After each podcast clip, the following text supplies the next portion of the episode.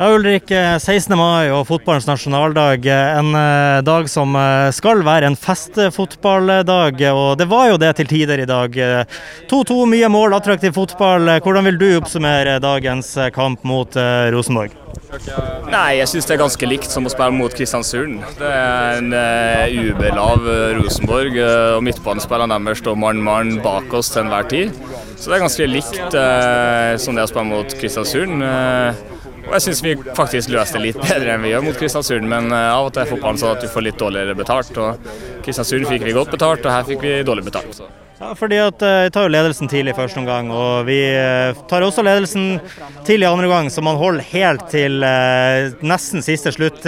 rett før ordinær tid er fullført, så kommer utligninga. Altså, Det må jo føles litt kjipt å ikke få med seg tre poeng her i dag. Og, og Hvordan var det å skulle få den i trynet rett før slutt? Ja, nei, du sitter bare igjen med en skuffelse. Og så kanskje Kanskje i ettertid, når du får evaluere det litt, så blir du fornøyd. med noe. Det er jo bare skuffelse, så klart. Og så hadde du også et eh, kanonskudd der ute i andre omgang som eh, gikk litt utafor. Du skulle vel ha likt å se den gå inn, tenker jeg? Ja, jeg skulle gjort det, men uh jeg gikk med tom jeg, var, Jeg gikk på stylte. Altså, sånn er det noen uh, ganger. Men uh, jeg får, jeg får, komme på trening igjen i morgen og bli bedre trent. Og så er det det som jeg tror mange lurer på etter dagens kamp. Det er, Fra der vi satt på kommentatorplass, i hvert fall, så ser vi minst tre straffesituasjoner der det, i mine øyne to av de er ganske klare. Og du er jo involvert i en av de i slutten, hvor du blir revet ned alene med keeper. Eh, hva dere tenker om, eh, om straffesituasjonen her? Er Glimt snytt for ikke bare én, men flere straffer i dag?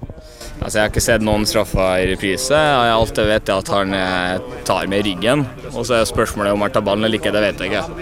Men uh, jeg har ingen store forventninger til dagens dommer. Det, det, er ærlig svar.